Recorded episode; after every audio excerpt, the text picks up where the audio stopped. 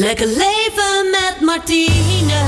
Zet de radio maar aan. De tips van de deskundige. Voor een zinvol fijn bestaan. Lekker leven met Martine. Fijn dat je weer luistert naar een nieuwe Lekker Leven met Martine. En wauw, aflevering 10 inmiddels. Ongelooflijk hoe snel dat gaat. Ik ben Martine Howard en ik gun iedereen een lekker leven... waarin je de beste versie van jezelf kunt zijn. Nu wil iedereen dat natuurlijk wel, zo'n lekker leven. Maar hoe doe je dat dan? En helemaal in deze uitdagende tijd. Nou, daarom ga ik iedere keer in gesprek met experts, BN'ers en mensen... die van hun werk hun passie hebben gemaakt... en een persoonlijke verhaal delen. Hoe wordt en blijf je gelukkig? Hoe blijf je fit, zowel fysiek als mentaal? Maar ook ondernemerschap, liefde, ontspanning en nog heel veel meer komt voorbij. Alles dus op het gebied van een lekker leven. Deze keer hebben we drie gasten. Straks hebben we niemand minder dan hormoonexpert Ellen Tiebe in de studio. Waarin we alles bespreken over hormonen, de invloed van je hormonen op je lichaam, afvallen, gezonde voeding en haar persoonlijke verhaal.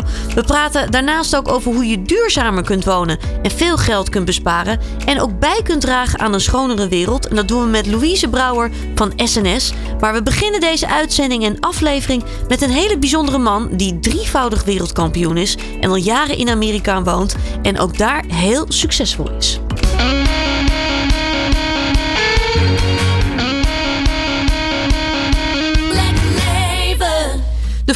Begon op 10-jarige leeftijd met dansen en werd later samen met Julie Fryer maar liefst drie keer wereldkampioen in Latijns-Amerikaans dansen. Hij verhuisde naar New York, produceerde als choreograaf en producent verschillende shows, waaronder de Broadway-show Latin Fever. Daarna zagen we hem meerdere seizoenen voorbij komen in de Amerikaanse versie van Dancing with the Stars en later ook als jurylid bij de Nederlandse editie. Als choreograaf werd hij in 2007 genomineerd voor een Emmy Award en hij introduceerde het fitnessprogramma La Blast, waardoor iedereen op een leuke en gezonde manier leert bewegen en dansen. Deze man heeft een track record van hier tot gunder en daarom vind ik het ook extra speciaal dat hij hier te gast is bij Lekker Leven. Ik heb het over niemand minder dan Louis van Amstel. Louis, van harte welkom.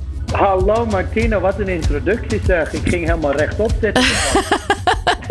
Ja, maar iemand met zo'n track record als jij, die verdient ook natuurlijk een, een- mooie introductie. Want Louis, wauw, wat heb jij toch veel voor elkaar gekregen? Ik heb nog niet eens alles genoemd nu. Eh, nou, dankjewel. Eh ja, eh, gewoon, als ik terugga, dan word ik wel een hele oude man, niet? Wel nee, toch?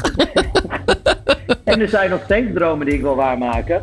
Maar ja, het is inderdaad, het is zoals je al zei, op tienjarige leeftijd begonnen als amateurdanser. Ik zou niet eens zeggen amateurdanser. Het was meer omdat mijn grootouders en mijn moeder wilden dat ik ging dansen. Ja. Dus ik deed dat meer omdat zij dat wilden. En ja, toen hebben we de Afro's danstest gedaan. Ik weet niet of jij dat kan herinneren of dat jij Nee. eh, van de latere generatie bent. Ik was, maar- ik was ietsje later, Louis.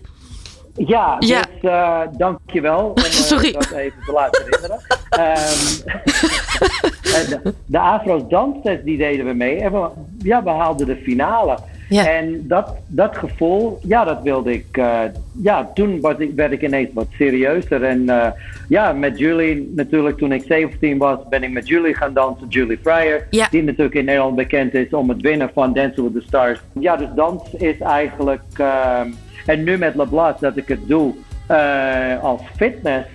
Ja, dans is. ja, dat is iets wat eh, ik denk voor, mijn, voor de rest van mijn leven dat ik eh, dat zal doen. Maar mijn droom is dat iedereen in de wereld danst. Zodat zij een lekker leven kunnen leiden. Ja, fantastisch. Goede health en wellness. Ja, Want ja. uiteindelijk, eh, ja, ik ken je al jaren en ik doe het omdat ik het leuk vind om in jouw programma te zijn. Mhm. Maar ik vind wat je ermee doet met de show, daar wil ik deel van zijn. Want uiteindelijk moeten er meer programma's zijn dat mensen meer leren dat eh, gezond zijn is niet alleen maar naar de sportschool gaan of een eh fitnesssessie te doen. Het is ook mentaal en emotioneel dat je goed in het leven staat. Ja. Dat is wat een goed, lekker leven inhoudt. En dat wil ik graag met LeBlanc bereiken. Mooi. En eh, dat, doen we, dat doen we goed. Ja, te gek, Louis. Eh, nou, daarom vind ik jou ook een heel inspirerend iemand om ook hier te gast te hebben bij Lekker Leven. Laten we heel eventjes terug de tijd ingaan, hè? Want je wordt niet zomaar drievoudig wereldkampioen. Je zei het zojuist al, je was tien jaar toen je begon. Ehm, op je zeventiende begon je met Julie Fryer. Had je toen al enig idee, of had je misschien al dromen van ja, ik wil wereldkampioen worden? Hoe zat dat op die leeftijd toen je 17 was en met Julie ging dansen? Ja, nou, toen ik uiteindelijk met Julie ging dansen, toen wist ik op dat moment was dat inderdaad van oké, Nederlands kampioen worden, uh Europees en wereldkampioen. Ja, dat idee was daar. Maar ik, totdat ik, uh, ik heb nog twee andere Engelse partners gehad. Voor, Ik geloof twee maanden elk. En uh, dat was dus helemaal niets. En toen ik met jullie begon, begon ik te geloven dat er een carrière in zou kunnen zitten. Maar ik zeg dat heel, uh, ja, uh, onzeker eigenlijk. Mhm. Omdat ik totaal niet er zeker van was dat wij wereldkampioen zouden worden. Maar, en natuurlijk een hele hoop krediet gaat naar onze leraar, coach, mentor, Ruud van mij. Ja. Uh, hij was onze coach. En hij, ik denk dat hij het veel eerder zag dan Julie en ik samen. Dus uh, omdat je een coach hebt, en die heb je ook in het leven nodig. Je hebt mensen nodig die in je geloven, maar die je ook duwen om meer te willen bereiken. En hij heeft dat gedaan met ons. Ja, en toen we de eerste Nederlandse kampioenschappen deden en daar volledig bijna alle dansen hadden gewonnen, ja, dan ga je, dan ga je snel geloven. En internationaal hebben we ook finales gehaald meteen. Ja, als je eenmaal in die finale staat op wereldniveau, ja, dan ga je geloven van, hé, hey, wacht even, ik sta nu achter in de finale bij de laatste twee, vijfde en zesde.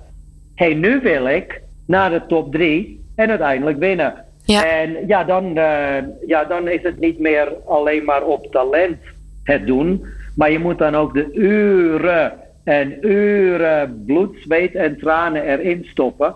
En dat hebben we uiteindelijk gedaan. En dat is dan uiteindelijk ook wel de reden waarom we wereldkampioen geworden zijn. Ja, is dat het, Louis? Want ik bedoel, er zijn natuurlijk ook heel veel andere koppels die ook uren en uren hebben getraind, maar geen drievoudig wereldkampioen worden.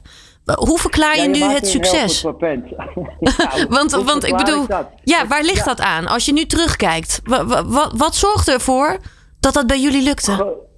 Het geloof van een team. Hm. Als je team, en dat is ook je ouders, je ouders geloven erin en er was financieel de mogelijkheid. Hm. Mijn ouders hadden de financiële mogelijkheid dat wij uh, veel lessen namen. We konden internationaal reizen om wedstrijden mee te doen. Dus dat is heel belangrijk. Ik doe dat niet uh, uh, onder om te zeggen het is alleen maar puur hard werken en talent. Het is ook de, het financiële steunpunt. En dat hadden wij. En daarbij hadden we een leraar in Ruud die zelf ook in de wereldfinale stond. En ook al een topcoach was in de wereld. Dus die heeft, een, ja, die heeft ons er eigenlijk uh, gepusht, als het ware. En ja, het is maar als, men, als je gaat vragen aan de gemiddelde Nederlandse dans, uh, dansers of dansparen. Hoeveel uur per dag train je? Dan hoor je waarschijnlijk anderhalf uur of twee uur, drie keer in de week. En dan doen ze af en toe een wedstrijdje. Ja. Wij zaten maandag tot vrijdag, vier uur per dag, op de dansvloer trainen. Ja. Daarvoor gingen we naar de sportschool. Vijf dagen per week. En dan in het weekend waren we of vrij om niet een burn-out te krijgen. Uh, of we waren internationaal aan het dansen. Wedstrijden. Ja. ja. Dus dat denk ik niet dat veel Nederlandse dansers doen. Maar ik denk dat men het niet doet omdat de helft van het probleem is dat ze niet in zichzelf geloven. Ja, mindset is, hier heel belangrijk ook, hè? Oh, mindset is zo belangrijk. En het is vaak dat als mensen al moe raken, waren wij net begonnen. Ja. En ja, dat, dat, dat maakt je een topsporter. En ik denk als jij een van de topschaatsers in je programma zou hebben, zou ze datzelfde zeggen. Een sociale schaatser of danser, die doet het één, twee keer in de week. Of vier keer in de week een uurtje. En dat is een hele goede hobby.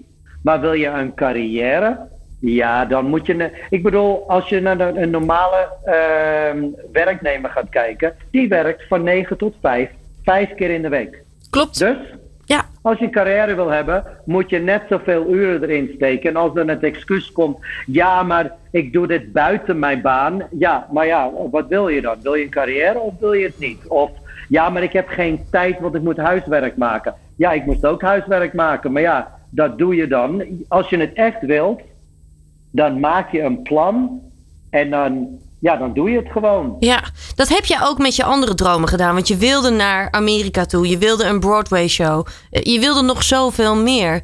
Ehm, als je daar nu op terugkijkt, heb je dat toen die tijd ook echt gevisualiseerd? Hoe heb je ervoor gezorgd dat die dromen ook uitkwamen? Ehm, nou, een hele hoop komt ook omdat ik eerst doe en dan denk. En Ja. mijn vrienden zullen ook lachen en beamen als ik dit zeg. Ehm, ik, en, en anderen zullen dat impulsief noemen. Ehm, als ik ehm, iets. Hoe zegt mijn moeder het? En we kom, ik kom van een Jordaanse Amsterdamse familie, dus je kan misschien even moeten bliepen. Als je het, als hij het in zijn hoofd heeft, heeft dit niet in zijn kont zitten. Ik weet niet eens of ik dat goed herhaal, maar Ja. Ehm, dat is dus wat mijn ouders altijd zeiden. Ehm, en ja, in 1997 was ik in New York eh, voor een aantal dagen. En toen ik in het vliegtuig zat terug naar Nederland, toen dacht ik, ik wil eigenlijk helemaal niet terug. Ik wil hier blijven. Ja. En ik heb, ik zat in de KLM Boeing 747 vanaf New York naar Amsterdam. Ik heb mijn moeder gebeld tijdens de vlucht. Dat was een, eh, een red eye. En ik heb gevraagd aan haar of zij al mijn afspraken, lessen die ik had, af, eh, Af wilde zeggen. En gevraagd heeft of Julie naar Schiphol kon komen. Want ik wilde met haar praten.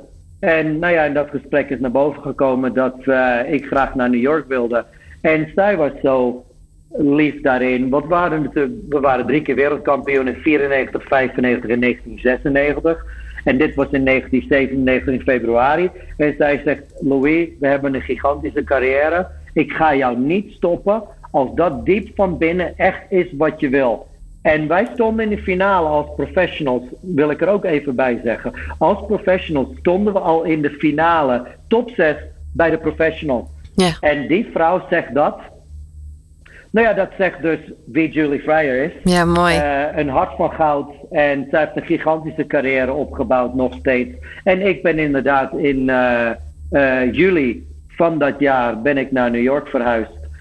Met de reden, ik wil Broadway doen. Nou, ik heb één auditie gedaan, Martine.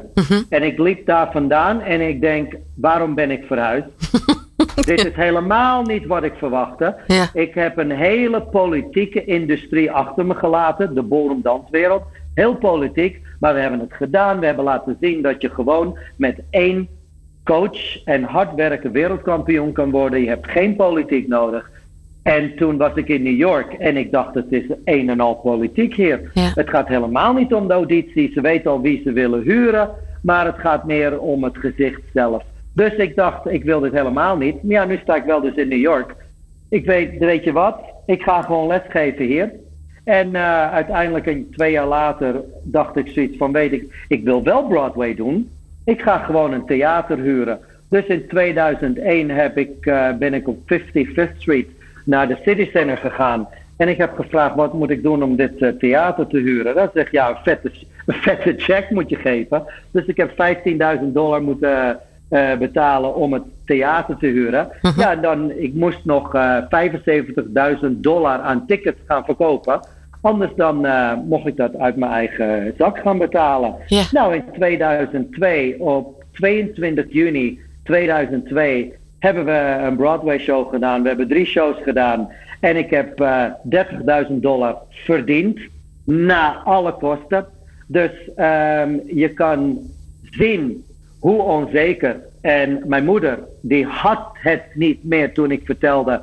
Ja, ik heb nu een theater geboekt. Een Broadway theater. En nu moet ik een show gaan verzinnen.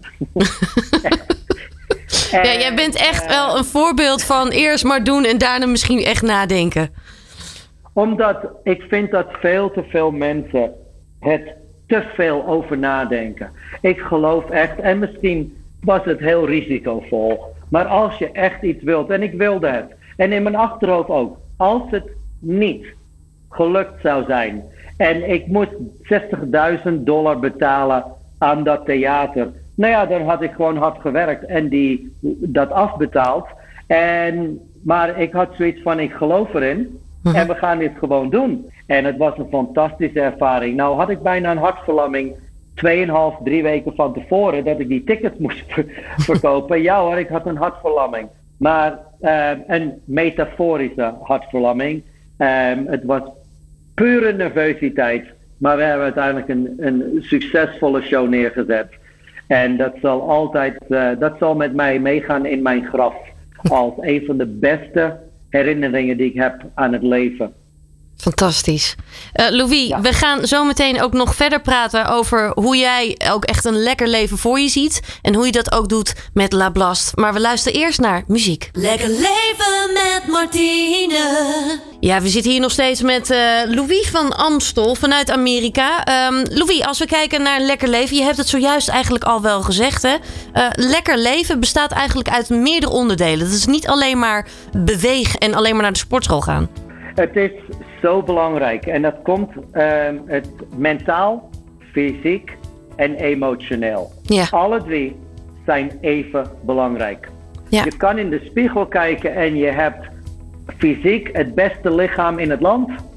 Maar als je gevoelens niet hetzelfde zijn, kijk jij niet in het spiegel van iemand die gelukkig is, dan iemand die zegt van goh, kijk dat lijf nou eens even. Nee, je zegt, oh nou ik heb een goed goed, goed fysiek lijf. Maar ik heb nog steeds ruzie met mijn buurman.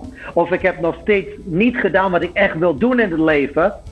Emotioneel en mentale uh, wellness is net zo belangrijk als het fysieke. En wij gaan. En hier in Amerika is dat helemaal zo. Het is zo op het fysieke lichaam.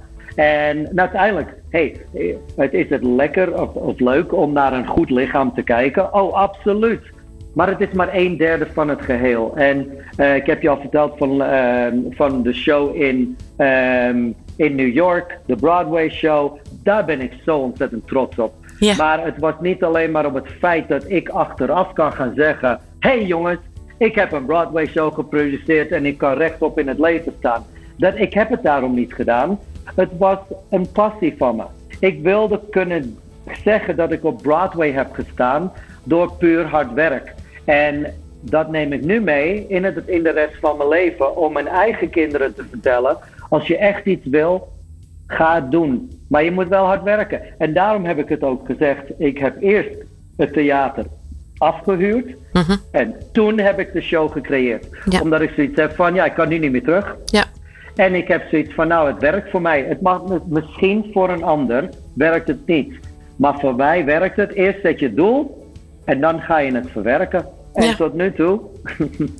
eh, Lukt het iedere keer weer eigenlijk wel, hè Louis? lukt het nog steeds. Maar het is nog steeds knoethard werken. Ja, het Nog gaat steeds. niet vanzelf, hè? Dat is wat mensen Nee, nog wel eens oh, denken. Oh, het is mazzel, hè? Ach, wat heeft hij geluk. Uh, maar het is hard Ja. werken, zowel fysiek, maar ook mentaal. Hoe zorg jij dan voor een gezonde mindset? Want dat gaat niet vanzelf, hè? Je hebt ook dagen dat je wakker wordt met een slecht gevoel... of dat je tegenslagen hebt. Hoe zorg jij voor een gezonde mindset? Je kunt zeggen, oh, het is een droom. Ik zeg, het is een doel. En als ik dat doel wil bereiken, dan zal ik het werk moeten doen. Ja. En inderdaad, wereldkampioen worden.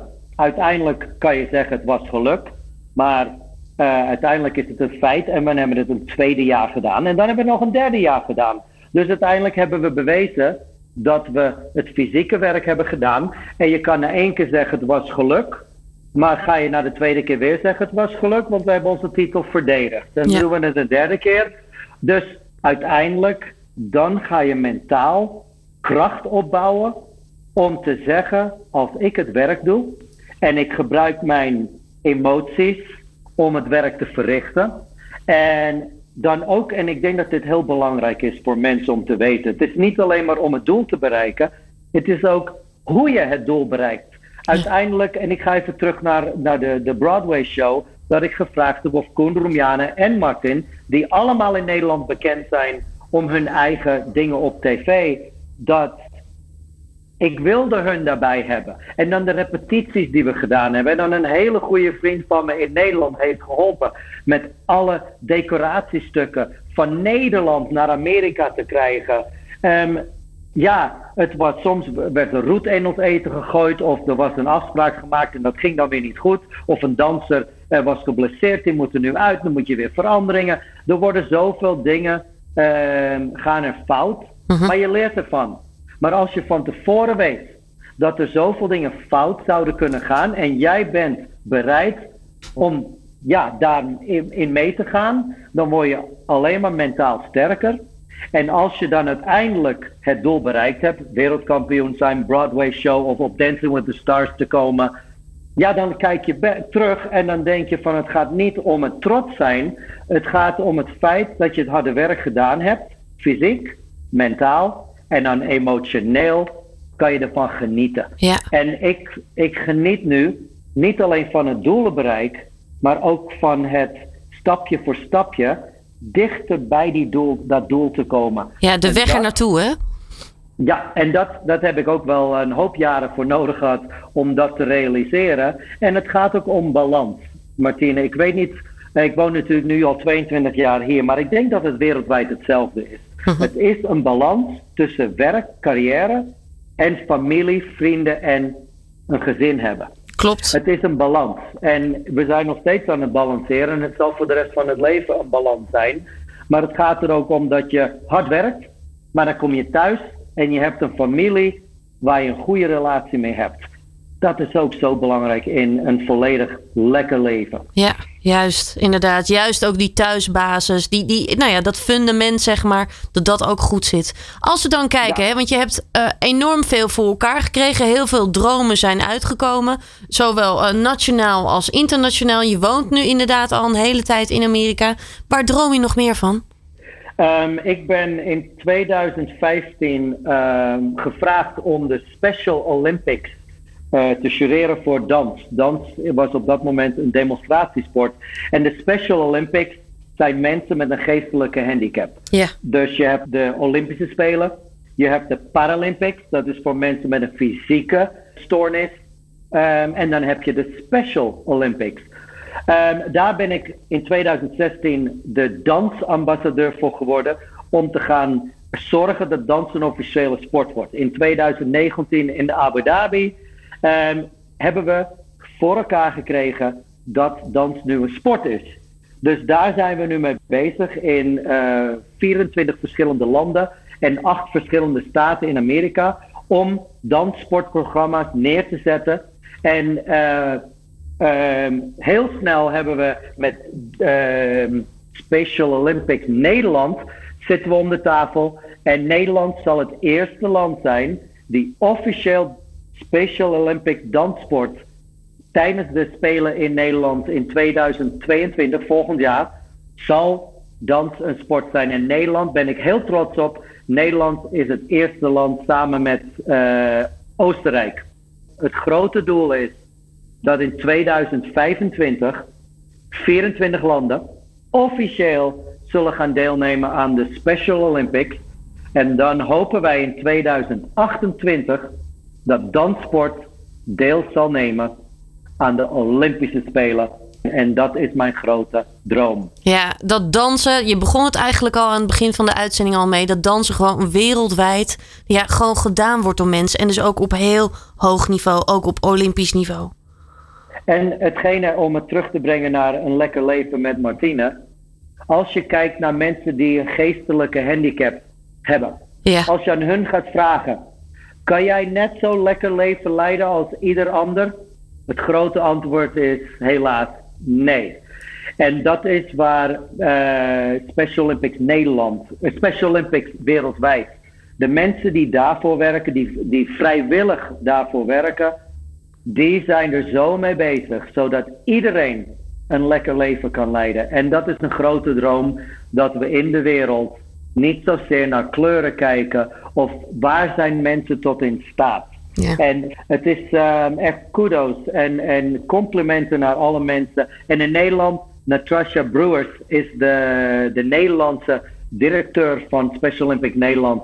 En zij heeft haar armen open gegooid om danssport eh, binnen te halen voor Nederland. En eh Natasha, als je dit hoort, een pluim op je hoofd. Mooi, mooi.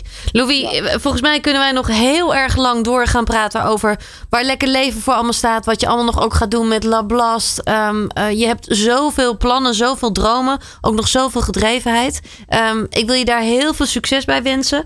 Uh, dank ook voor het delen van, uh, van je inspirerende verhaal. En ook van al je ja, inspirerende tips. Dankjewel Martine. En ik vind het ook heel gaaf. Want ik heb uiteindelijk jou zien opgroeien. Dat klopt. Als danseres. En nu als een, het, het radio- en tv-persoonlijkheid echt. Um, jij bent ook een grote inspiratie voor zoveel mensen. Hmm. Dankjewel dat je mij hebt willen hebben. Dankjewel, dankjewel. Nou, dat ontroert me helemaal. Dankjewel, Louis. Heel erg bedankt en uh, nou, succes nogmaals. Jij ook. En uh, nou ja, tot ziens en tot hoors. Dag Martine. Doei doei. Lekker leven met Martine. Zit de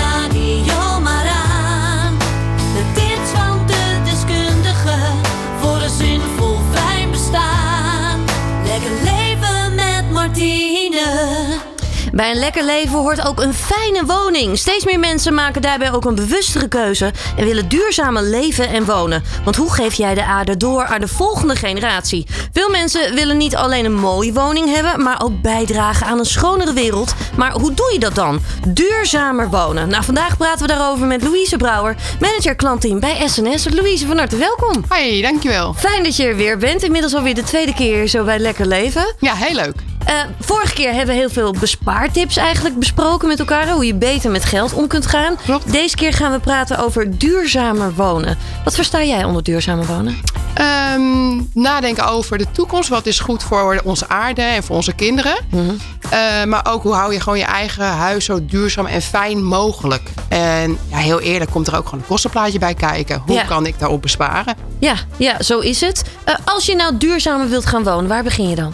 Waar beginnen? Dat is best wel een uh, vraag die wij ook veel krijgen. Uh, want je hoort natuurlijk heel veel om je heen. En je leest van de kranten over een energieregeling.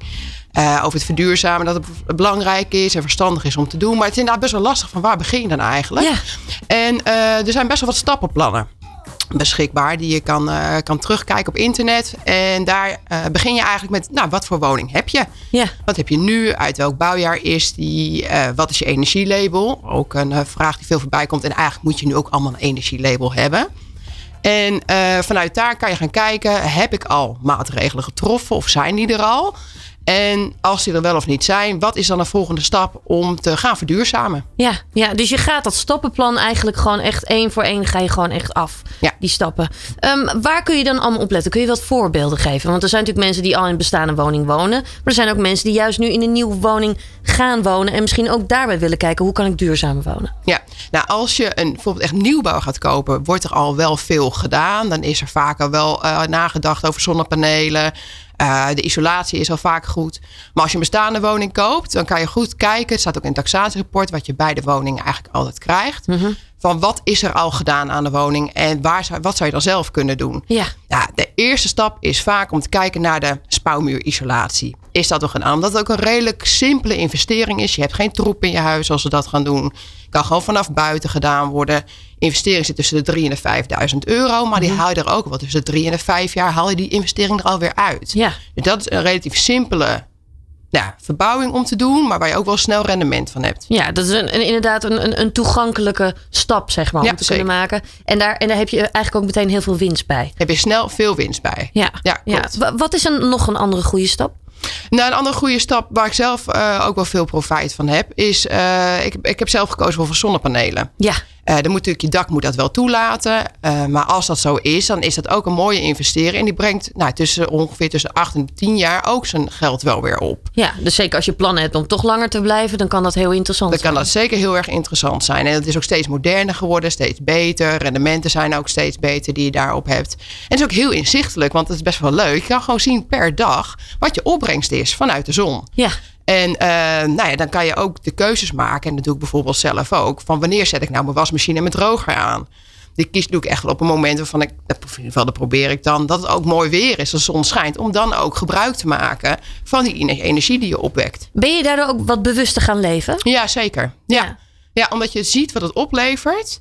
En dan zie je ook wat eruit gaat aan energie. Nou, dan wil ik toch wel proberen om daar slim mee om te gaan. Ja, ja. Een ander iets is bijvoorbeeld beglazing ook. Hè? Ik heb dat zelf ook gedaan in mijn eigen huis. Ja. Eh, ik woon in een wat ouder huis, heb je veel in Amsterdam. Ja. Ja, eh, een nieuwe beglazing kan enorm helpen. Je hebt meteen minder tocht. Je hebt minder tocht, je hebt minder geluid. Klopt. Dus dat is ook wel gewoon fijn om mee prettig. Het is ook prettig om mee eh, te wonen.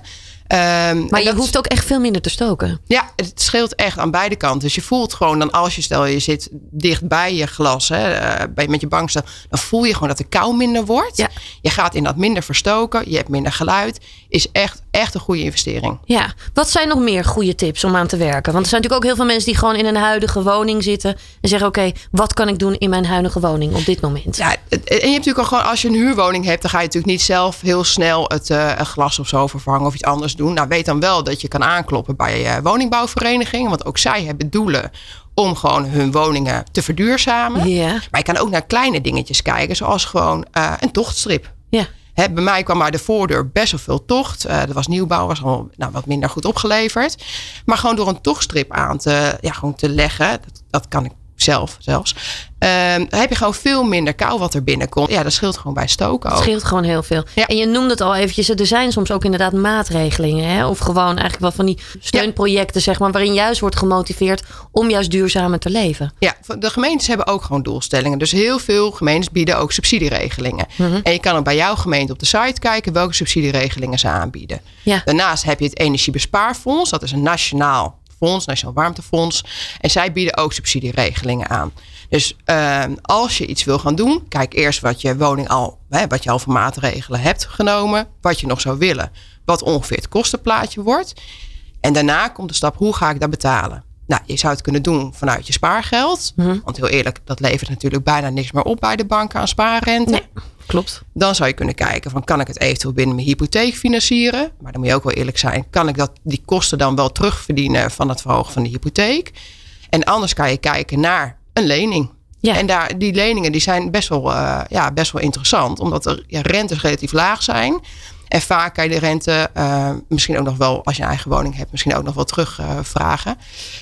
Dus er zijn meerdere manieren om dat te financieren. Ja, en het mooie daarvan is, het is natuurlijk een investering eh, voor de toekomst. Je leeft duurzamer, je verbruikskosten gaan naar beneden. Ja. Maar vaak wordt de waarde van je huis ook weer beter daardoor. Hè? Ja, klopt. Dus ik hoor wel eens van, ga, ik weet niet of ik nu eh, zonnepanelen ga neerleggen, want ik wil misschien mijn huis verkopen over vijf jaar. Maar je hebt gelijk. De waarde van je huis neemt ook gelijk toe. Ja. Dus als je het doorverkoopt, dan zie je dat ook wel weer terug in je verkoopprijs. Ja, ja, ja. Een, een ander iets is bijvoorbeeld nog duurzamer omgaan met alles wat er al is. Dus je kunt natuurlijk op, op verschillende manieren kun je natuurlijk ook wel kijken naar duurzaam wonen. Heb je nog meer duurzaam wonen tips? Nou, wat- je tegenwoordig ook wel meer ziet, zijn eh, groene daken. Ja, Eh, vooral in de stad denk ik eh, dat je het eh, veel voorbij ziet komen. Nou, dat is natuurlijk één supergoed voor het leefklimaat. Het ziet er gewoon veel leuker uit. Klopt. En het is echt een hele duurzame investering. En ook daar zie je subsidieregelingen vanuit de gemeente. ja.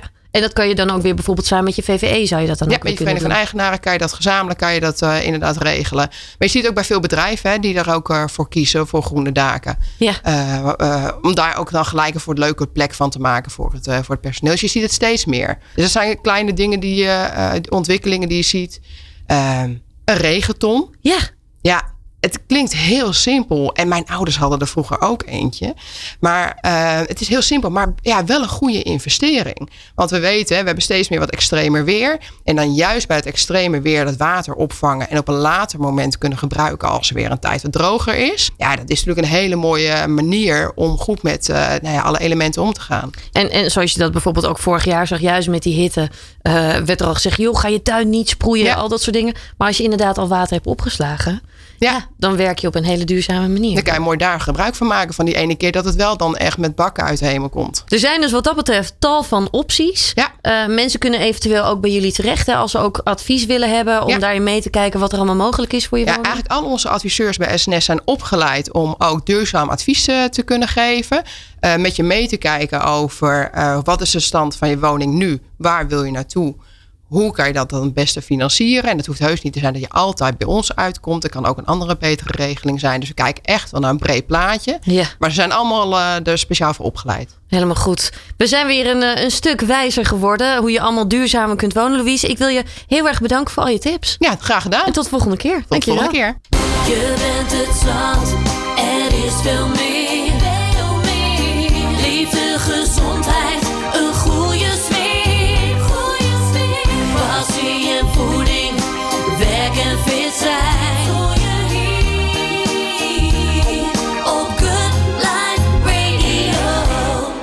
Wil je gezond leven, dan zijn je hormonen ontzettend van belang. Je hormonen hebben namelijk veel meer invloed op je lichaam, mind en gezondheid dan de meeste mensen denken. Denk bijvoorbeeld aan overgewicht. Het principe om minder calorieën tot je te nemen en daardoor af te vallen werkt voor heel veel mensen niet.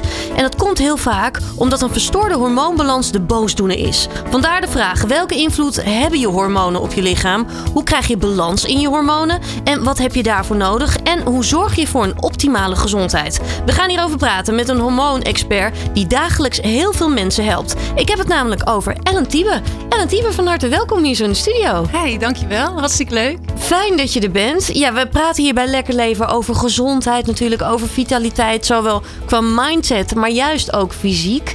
Ehm, hormonen zijn daar een heel belangrijk onderdeel bij. Klopt, absoluut. Hoe belangrijk zijn onze hormonen? Nou, eigenlijk wordt alles bepaald door onze hormonen. Alles valt in staat met een hormonale balans. Ja. Als die uit balans zijn, dan ontstaat er aan de ene kant overgewicht, zoals je net al aangaf. En aan de andere kant ontstaat er ziekte. Ja, Dus ja, dat is eigenlijk even in Jip en Janneke taal wat hormonen doen in ons lijf. ja. Kun je ook uitleggen wat hormonen precies zijn? Want voor heel veel mensen blijft het een beetje een vaag begrip. Ja, het zijn stofjes die zeg maar heel veel dingen regelen in je lijf. Ja, Dus eh, ja, je hebt je schildklier, daar horen hormonen bij. Als je geen hormonen hebt voor je schildklier, kan die niet functioneren. En zo heb je natuurlijk meer organen die functioneren aan de hand van hormonen. ja, ja. Je hormonen zijn dus echt cruciaal. Absoluut. Ja. Ja. Wil je afvallen, maar ook voor je algemene gezondheid. Absoluut, ja. Ja. Klopt. Met wat voor klachten komen mensen bij jou terecht? Eigenlijk best wel veel, eh, veel verschillende klachten. Eh, vooral vrouwen, hè, die hebben vaak hormonale klachten. Dus te denken aan de overgang. Of schildklierklachten. Maar ook mannen met diabetes, type 2. Dus daar kun je met leefstijl ook eigenlijk best veel aan doen. Ja. eigenlijk van alles. Acne, eczeem, buikklachten, noem maar op. Heel divers. Misschien Heel ook wel enorme vermoeidheid. Vermoeidheid, burn-out. Ja. Ja. Wa- waar begin jij dan? Ehm, als mensen naar mij toe komen, dan vullen ze een intakelijst in van 17 pagina's. Ja. Dus aan, aan, aan de hand van die lijst, dan zie ik de symptomen. Dus symptomen zeggen altijd meer als bloedwaardes. Ik leg de, ik, zeg maar, ik leg de verbanden met de symptomen. Ja. En dan zie ik eigenlijk al waar het misgaat. En vaak is dat darmen, bijnieren, schildklier waar het misgaat. Maar vooral de darmen. Die combinatie. Die combinatie. Ja. En darmen is onze tweede hersenen. Ja. Als daar iets mee is, dan hebben we echt een probleem. Dus wat ik doe, ik haal de triggers uit de voeding. De meeste triggers. Dus waar mensen op reageren is gluten, lactose, soja. Heel veel mensen weten dat niet. Mhm. En dan zie je die darmen rustiger worden. En die mensen voelen zich dan vaak eigenlijk door deze simpele tips al wat beter. Ja. Ja, want heel veel mensen denken bijvoorbeeld met soja, ja, maar dan ben ik toch al beter bezig. Exact. Ja. Ja. Maar ze weten niet dat daar heel veel fyto-oestrogeen in zit. En oestrogeen is het vrouwelijk hormoon. Ja. En als je daar te veel van hebt, creëer je aan de ene kant weer een disbalans. Ja. En dan praten we over oestrogeendominantie. Ja. En dan Ja. krijg je de, weer te veel vetopslag op armen, buik, billen, benen. Ja. Ja, Ja, dus dat is een heel belangrijk iets. Iets, oestrogeen inderdaad. Ja, ja. Een ander belangrijk iets, hè, we hebben het hier nu over voeding, is stress. stress. Ja, heel veel mensen kampen met stress. En stress, stress triggert ook ziekte. Hè? Stress wordt opgeslagen in je cellen. Ja. En meestal zie je dat mensen tot rust komen dat ze dan ziek worden. En dan zit je al in die burn-out. Ja. Ja, Ja, en dat wil je juist natuurlijk voorkomen. dat wil je voorkomen, maar dat is lastig. En ook voor ons coaches is het lastig als iemand stress heeft. Ja. Want ja, je kan nog zo goed met voeding eh, en training en, en supplementen aan de gang gaan. Maar als iemand stress blijft houden, kan ik eigenlijk niks voor diegene doen. Nee. Nee. Dus eh, ja, dat is gewoon. Ja, je moet daar goede tips in geven dat mensen daar ook aan gaan werken. Ja, ja. Ja. voor jou is het dus heel erg belangrijk om eerst ook goed in kaart te brengen. Joh, wat gebeurt er allemaal precies? Welke klachten heb je allemaal? Ja, ja. Zodat je ook eigenlijk het patroon nou ja, kunt herleiden ook wel uit het verhaal. Hè? ja, absoluut. Ja. Ja. ja, waar let je dan allemaal op? Ik let op eh, bijvoorbeeld wat je net zegt, waar als mensen stress ervaren. Want dat heeft eigenlijk de grootste link met ziekte waarom iemand ziek is geworden. Wat gaat er mis? Wat heeft diegene meegemaakt? Want daar moeten we naar kijken. Dus dat haal ik er eerst uit. En dan gaan we aan de slag met een complete leefstijlverandering. Anders eten. En daar krijgen ze bij mij weekmenu's voor. Oké. En mensen denken, oh, moet ik dan heel gek gaan eten? Grijze wollen sokken eten? En Ja, of enorm op mijn calorieën gaan letten, al dat soort dingen. Ja, maar dat hoeft helemaal niet. Ik ga jou leren beter te eten. Nou, dan worden ze vaak al wat rustiger. Dan denken ze, oh, beter eten, dat klinkt wel goed. Want waar moet ik dan aan denken? Wat is beter eten? Beter eten. Kijk, als je nu uit pakjes eh, van de supermarkt eten maakt, een spaghetti bolognese, leer ik jou echte spaghetti bolognese te maken van echte biologische tomaten. Ja. Glutenvrije spaghetti. En ja, wel vlees, vis of kip, biologisch. Ja, En ja, dat is beter eten. Je hebt voedzamer eten zonder E-nummers. ja, ja Zonder dat is dus heel erg be- belangrijk. En je Ja. zegt al biologisch, Ja. ook dat is heel erg belangrijk. hè? Absoluut, ja. Waarom is dat zo belangrijk? Nou, de E-nummers en de stofjes wat eigenlijk in ons eten zit, herkent ons lichaam niet meer. En daar gaat het mis. Ja, Ja, dus zo natuurlijk mogelijk eten ja. is wel echt cruciaal. om de hormonen in balans te krijgen. Ja. ja. Ja. wat doet dat dan met je hormonen, al die E-nummers? Kun je dat een beetje uitleggen? Het zorgt voor een disbalans. Ons lichaam herkent het eten niet meer. En ja, het zijn chemische stofjes. Je lijf kan er ook niks mee. Ja, moet ik het dan ook zo voor me zien dat het, het lichaam het bijvoorbeeld ook op kan gaan slaan, al die stofjes? Dus dat je eigenlijk ja, veel te veel vasthoudt, bijvoorbeeld? Ja, denk maar aan aspartame, hè? dat is echt een suikervervanger. Maar ja, je lichaam die kan daar eigenlijk helemaal niks mee. Nee. Dus die slaat het op in je vetcellen. Dus en wat je ziet als ik mensen heb met overgewicht en die gaan op de weekmenu's, die gaan een soort detox in. Dus dan wordt het in het begin, dan vallen ze af. Maar dan komt eigenlijk al wat daar in die vetcellen zat, komt vrij. Ja, Voordat het weer beter met ze gaat. Maar het moet het lichaam ook uit. Dus je gaat een soort detox in. oké. Het Dus alles wordt uit je lichaam is ook een soort reiniging. meteen. reiniging. Ja, je gaat beter en schoner eten. Ja. Ja. Kun je dan ook hoofdpijn krijgen bijvoorbeeld? Want dat is Ja. wel vaker wat je hoort bij een detox inderdaad. Ja, een beetje hoofdpijn en al dat soort eh, klachtjes, dat hoort erbij. Maar veel water drinken en geen kraanwater. Nee, nee, dan komen we weer bij het volgende. Geen Ja. kraanwater. Nee, nee. Dat- Waarom niet? Ja, uit onze visie, de visie van mij is gewoon de hormoonfactor. Zitten er gewoon zware metalen en reststoffen van medicijnen in kraanwater. Van vrouwen die aan de pil zijn, oude, oude mensen die, die gebruiken medicatie. Dat gaat allemaal naar het toilet. Ja. En ja, de waterzuiveringsmaatschappijen die filteren de hormonen zijn dat, niet uit het water. Dus dat krijg je ook binnen. Ja. En dat wordt ook weer opgeslagen. Dat zorgt ook weer voor een disbalans. Ja, ja. Ja. Eh, een teveel aan cortisol, een teveel aan insuline zijn natuurlijk ook allemaal voorbeelden die ook weer voor heel veel klachten zorgen. Ja, ja. Hoe kun je daaraan werken? Leefstijl. Ik heb dus zeg maar, wat ik, ik gaf net aan, ik heb ook mensen met type 2 diabetes. Dat is gewoon prima te behandelen met een nieuwe leefstijl. Echt door je voeding aan te Echt passen? door de voeding. Ik heb een uh, cliënte laatst, uh, die kwam, uh, mevrouw met haar man. Vaak gaat het zo dat die vrouwen hun man meeslepen. Mm -hmm. En ja, ze sturen me na twee weken al, hij heeft nu al betere waardes. Oh, nou, goed. Ja, ik word er zo blij van. En zo simpel. En hij hoefde niet aan de medicatie. Ja. Terwijl de arts hadden gezegd van ja. En is dat alleen puur voeding waar je dan aan werkt? Of kijk je nog veel verder? Ik kijk wel verder, want dit was ook een uh, directeur van een bedrijf. En dan ben ik wel streng. Want ja, het lichaam werkt nu eenmaal zo. Als jij niet luistert naar je lijf, dan zorgt je lijf vanzelf wel dat je wel gaat luisteren. Ja. Maar dan ben je verder van huis. Ja. En vaak moet er iets gebeuren voordat mensen naar hun lichaam luisteren. Dus ik ben wel iemand die mensen echt wakker wil maken. Maar dat doe ik omdat ik ze wil helpen. Van word wakker. Ja. Want als je nu stap 2 neemt en je hebt nu al klachten. Dan hebben we misschien iets anders aan de hand. Ja, dus je bent heel eerlijk tegen Ik ben mensen. heel eerlijk. Ja, ja, altijd. Kan ook heel confronterend zijn wellicht voor mensen. Maar daar hebben ze er wel wat aan. Absoluut. Ja, ja. ja mooi. Ja. Je hebt daar ook wel een stukje vertrouwen dan ook wel voor nodig. Hè? Want mensen...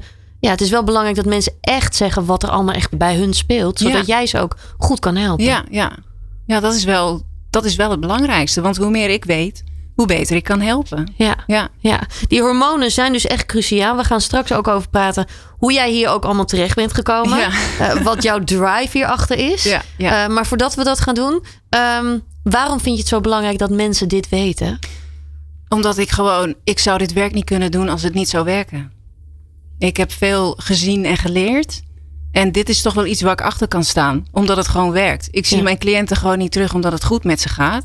En daar word ik gewoon heel blij mee. Ja. Blij van. Ja. Ja, dus je kan hier echt zoveel gezonder door worden. Door juist aan je hormonen te werken. En het werkt ook anti-aging hè. Ja, is dat zo? Ja, gezonde voeding. Als je gezond eet, heb je gewoon minder celschade. Ja. Ja, ja. Dus je kunt ook op die manier langer jong blijven eigenlijk. absoluut. zeg maar. Ja. Niet Ja. alleen maar qua looks, maar ook gewoon hoe je je Van voelt binnen en alles. buiten. Ja. Ja. Ja. ja, mooi. Ik wil hier nog heel veel meer over weten. Dat gaan we doen na de muziek. Oké. Lekker leven met Martine. We zitten hier met Ellen Tiebes. Ze is echt een expert op het gebied van eh, hormonen. En Ellen, we hebben zojuist al heel veel besproken. Hè? Wat, nou ja, wat voor effect je hormonen kunnen hebben. En hoe je je eigen lichaam en je gezondheid dus ook kunt helpen... door je hormonen beter in balans te krijgen. Sporten is daarbij ook heel erg belangrijk. Hè? Ja, zeker, want daar boost je ook je hormonen mee. Ja. Ja, ja. Nou zeggen heel veel mensen... Hè, ja, maar dan moet je lekker veel cardio gaan doen en al die dingen. Maar krachttraining is dan juist ook heel belangrijk. Hè? ja, cardio is eigenlijk niet goed voor je, omdat je dan eigenlijk het lichaam stress geeft. Dus lange cardio-sessies, ja, je ziet ze echt mensen in de sportschool, maar ja, je valt er ook niks van af, want je jaagt je lichaam steeds meer in de stress. Ja. En eigenlijk als je cardio wil gaan doen, dan raad ik intervaltraining aan. Dus dat is zeg maar één minuut snel, één minuut langzaam, tien minuten op de loopband. Ja. Dat zal veel meer voor je doen. En dan in combinatie met krachttraining. Want dat boost gewoon je hormonen. Daarmee komen ook je groeihormoon komt vrij. Testosteron. En dat wil je. Ja. En je merkt het ook als vrouw. Want je huid gaat op den deur ook wat strakker. Niet meer zo pafferig. Dus ja, in combinatie met een goede leefstijl. Dan, dan zegt leeftijd gewoon niks. Dan kun je gewoon echt zorgen dat je lijf er weer goed uitziet. Ja, wat goed. Ja, Jij hebt dat zelf ook eigenlijk nou, aan de lijve ervaren, hè? ja absoluut. Ja. Kun je ons daar meer over vertellen? Want jij bent heel sportief eigenlijk ingesteld. Je hebt Ja. ook een, een sportachtergrond. ja, ja. Hoe is dat allemaal gegaan bij jou? Nou, ik kom uit het noorden. Ik ben opgegroeid in een klein dorpje ter Apel. Dat ligt in, op de grens Drenthe-Groningen. Nou, iedereen weet dat daar de sport schaatsen gewoon heel populair is. Dat wordt gewoon met de paplepel ingegoten. Klopt. En ja, mijn droom was de nieuwe Yvonne van Gennep te worden. Ja, Dat ging goed. dat heel was jouw goed. voorbeeld ook Dat was mijn voorbeeld. Dus eh, ja, dat was gewoon, dat wou ik. Ja, En het ging heel goed, totdat op een gegeven moment ik als enigste vrouw met, eh, met de mannen mee mocht trainen. En dat mijn trainer zei, meid, ik weet niet wat er met jou aan de hand is. Maar het komt er niet meer uit, ga maar naar huis. oké. En Het toen- lukte opeens niet Het lukte niet meer. Hij zag niet meer eh, progressie. En hij zegt van, eh, als je niet wil trainen, nou dat wou ik wel. Maar ik had de energie niet meer. meer. Ja, Dus en in die tijd eh, was toen de ziekte van Pfeiffer. Kiss disease in die tijd. ja. Was heel populair. was heel tijd. populair. Ja, Dus populair, dat hoorde je Nou, overal. Dat ja. was ineens, het was upcoming. En ik was naar de huisarts gegaan en die zei, je hebt de ziekte van Pfeiffer. Maar ja, ik was zo moe, zo moe. Hoe En oud was je toen? Ik geloof dat ik een jaar of één, ja, ik weet niet, rond, rond mijn 21ste of jonger nog. 21, laat ik dat zeggen, 21. En toen eh, ja, ben ik weer naar huis gegaan. Ik kon niet meer, ik was ook gewoon helemaal op. En toen is het balletje gaan rollen. Dus het is een lang verhaal, ik maak er even iets korter. Ja. Op den duur ben ik gaan zoeken. En zag ik op tv een programma van eh, Oprah Winfrey. Ja. En die had het ineens over hormonen. En toen dacht ik, ik moet daar zoeken. Dus ik naar de huisarts. Maar die deed niet een compleet onderzoek. Niemand wist wat ik had. Ja. En in die tijd was het ook zo dat ik ben opgeleid door Ralf Moorman. Ik kwam Ralf ook tegen. En Ralf gaf nog geen opleidingen. Ja. Dus Ralf een- Moorman is ook ja. een hormoon-expert, Ja, zeg maar. die is ook een Ja. hormoonexpert. Hij heeft mij opgeleid. Hij geeft opleidingen. En tot de dag van vandaag ben ik hem, ik word nu emotioneel, dankbaar voor dat hij mij toen heeft geholpen. Ja, dat is jouw redding geweest. dat is mijn werk geweest. Ja, dat snap ik. Sorry. Dat is helemaal oké. Dat is helemaal oké. Dus ehm, de artsen konden mij niet helpen. En toen dacht ik bij mezelf, nou als jullie mij niet kunnen helpen, dan eh, doe ik het zelf wel. Want Hoeveel ik- jaar was je toen verder? Want je zei net 21, zeg Ja, maar, toen die ja. klachten er waren. Ja, ik Waar was- zitten we nu? Een jaar verder wel. Ik was wel een jaar verder. Ik heb een jaar thuis gezeten en ik sliep alleen maar. Dus ik kon niks. En Ben je echt begreep- radeloos ook, toch? Radeloos, maar ook onbegrip van de omgeving. Ja. Want je doet een leuk make-upje op en niemand ziet dat je ziek bent. Ja. En de omgeving zei ook, hoe kan zo'n jonge meid nou zo moe zijn? Ik hoorde ze nog zeggen. Maar ja, goed, ik voelde me niet goed. Dus ik ben gaan zoeken en ik dacht, het lichaam functioneert niet zo. Er moet iets zijn wat schakelt je, wat niet goed gaat. Dus ik ben uitgekomen zelf na tips van Ralf in België. Bij de beste hormoonartsen. Je hebt daar eh, dokter Hertogen. Ja. Die heeft een wachtlijst van heb ik jou daar. Daar heeft mij gelukkig iemand geholpen dat ik tussen kon. En zij heeft toen tegen mij gezegd na bloedtesten. Maar meid, je hebt de ziekte van Hashimoto. Oké. Ik zeg, wat? Wat is dat? Wat is dat, ja? Wat is dat? Ik, ik, da- daar had ik nog nooit van gehoord. Ja. Moest aan die kernreactor, moest ik denken. Ja, ja, of dat het kerngedoe. Ja. En je schrikt daar best wel van. En, maar ik wist eindelijk wat ik had. En zodoende, ja, Het is een auto-immuunsysteemziekte, hè? het is een auto-immuunziekte. Wat doet het met je lichaam? Ja, het lichaam denkt dat jouw schildklier niet in het lichaam hoort. Dus die wil hem afstoten. Waardoor je dus moeheidsaanvallen krijgt. Je aankomt in gewicht. Eh, je hebt eigenlijk, er is een burn-out aan vooraf gegaan. Mhm. Dus alle reserves, je hebt alles is op. Alles is laag. Dus je functioneert gewoon niet meer als mens. Ik voelde me gewoon ook geen mens. Nee. De moeheid deed gewoon pijn. Ja. En eindelijk had ik iets waar ik naartoe kon werken om dat op te lossen. Heb je dan ook goede hulp gehad in die tijd toen eenmaal werd geconstateerd wat je had? Of was dat ook nog zoeken? Het was zoeken. Ik heb echt geluk gehad met de juiste mensen op mijn pad. Dus Ralf heeft me geholpen. Ik kwam eh, artsen tegen die me hielpen. Maar het was eigenlijk allemaal nog niet genoeg. Nee. Dus en uiteindelijk de opleiding nog gedaan bij Ralf. Die is toen eh, later begonnen. En toen had ik eigenlijk alles compleet. En heb ik voor mezelf een aanpak bedacht. En ik zag gewoon dat er vooruitgang kwam. Met de juiste supplementen. En omdat alles laag was, ik had ook hormonen nodig. Ja. Want een schildklier functioneert niet zomaar meer. Dat, dat moet gewoon even weer op gang geholpen worden. Dus en je ziet ook, ik heb een voor- en na-foto op mijn Instagram. Het verschil. Ja, met een complete aanpak. Ja. Een jaar later. Ja. En ik at alleen maar bruine rijst in de tijd. Hè? Want de producten die er nu zijn, gluten, lactose en sojavrij, is al veel meer Ja. Dan ik had. Want ik had havermout met water. Ja. Dat doen we nou met havermelk, Ja. bij wijze van. Dus het was echt afzien. Ja. Maar ik zette door en eh, ja, ik, ik voelde me gewoon weer mens. Ja, fantastisch. En echt- daardoor ben je dus ook andere mensen gaan helpen. Ja, en toen dacht ik, nou, hier moet ik iets mee gaan doen. Want ik wist gewoon dat er heel veel vrouwen rondliepen met ook dit probleem. Dat ze het niet eens wisten dat ze het hadden. Ja. En wat voeding doet, maar ook voor de overtuigingen van, die ik leerde in de opleiding. Hè, wat er allemaal met voeding gedaan kan worden. Dat is gewoon fantastisch. Ja. Ja, Ja, heel mooi. Ik herken het ook heel erg. Ik heb zelf ook natuurlijk echt last gehad van mijn auto-immuunsysteem, ziekte en alle klachten erbij. ja. Ehm, bij mij was de radeloosheid best wel heftig. Mhm. Omdat ik vond dat veel in de reguliere sector er weinig hulp is. Mensen begrijpen je vaak niet. Nee, Eh, dat is denk ik waar die emotie ook bij jou dan vandaan Ja, komt. ja, ja. Dat je zo blij bent als je eindelijk iemand vindt die je wel kan helpen. exact. Ja, heel blij. Ja. Nog steeds. Ja, ja. En dan lijkt het me dus juist ook heel mooi om nu andere mensen weer te kunnen helpen. Ja, het is heel dankbaar werk. En mensen bellen me ook en zeggen dan: Nou, El, ik heb dit en dat gedaan, maar als jij me niet meer kan helpen, dan weet ik het niet meer. Nou, dan, dan krijg ik gewoon ja, adrenaline en dan bijt ik me erin vast en dan denk ik zo: Meid, het is genoeg geweest. Nu gaan we eens even weer goed maken. Ja, Ja. ja.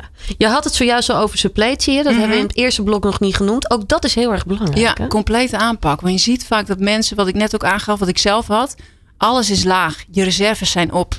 En vaak als je echt in een burn-out zit, ben je gewoon helemaal op. En dan moet je dat gewoon aan gaan vullen. ja. Waar moet ik dan aan denken? Aan wat voor suppletie? Nou, een basissuppletie, een vitamine C, een vitamine D, magnesium en vooral visolie. Wij hier in Nederland hebben echt tekort aan omega-3. Wij Ja. zijn niet van die viseters. Dus dat is echt belangrijk. En een eh, goede multivitamine. Dus daar komen we al een heel eind mee. Maar in de echte moeilijke gevallen kijk ik natuurlijk wel wat er echt nodig is. En Ja. met hormonen, daar heb ik natuurlijk ook mijn team bij. Want ik ben geen arts. En dat wil ik ook niet zijn. Nee. Maar ik, zet, ik, ik geef mensen een duwtje in de juiste richting. Van als je dit pad volgt, aan het eind van, de, van, de, van het pad is er gewoon licht aan, aan het eind. Ja, Ja. ja. Licht aan het eind van de tunnel. ja dat kwam Ja. even niet uit mijn woorden. Ja, dat maakt helemaal niet uit.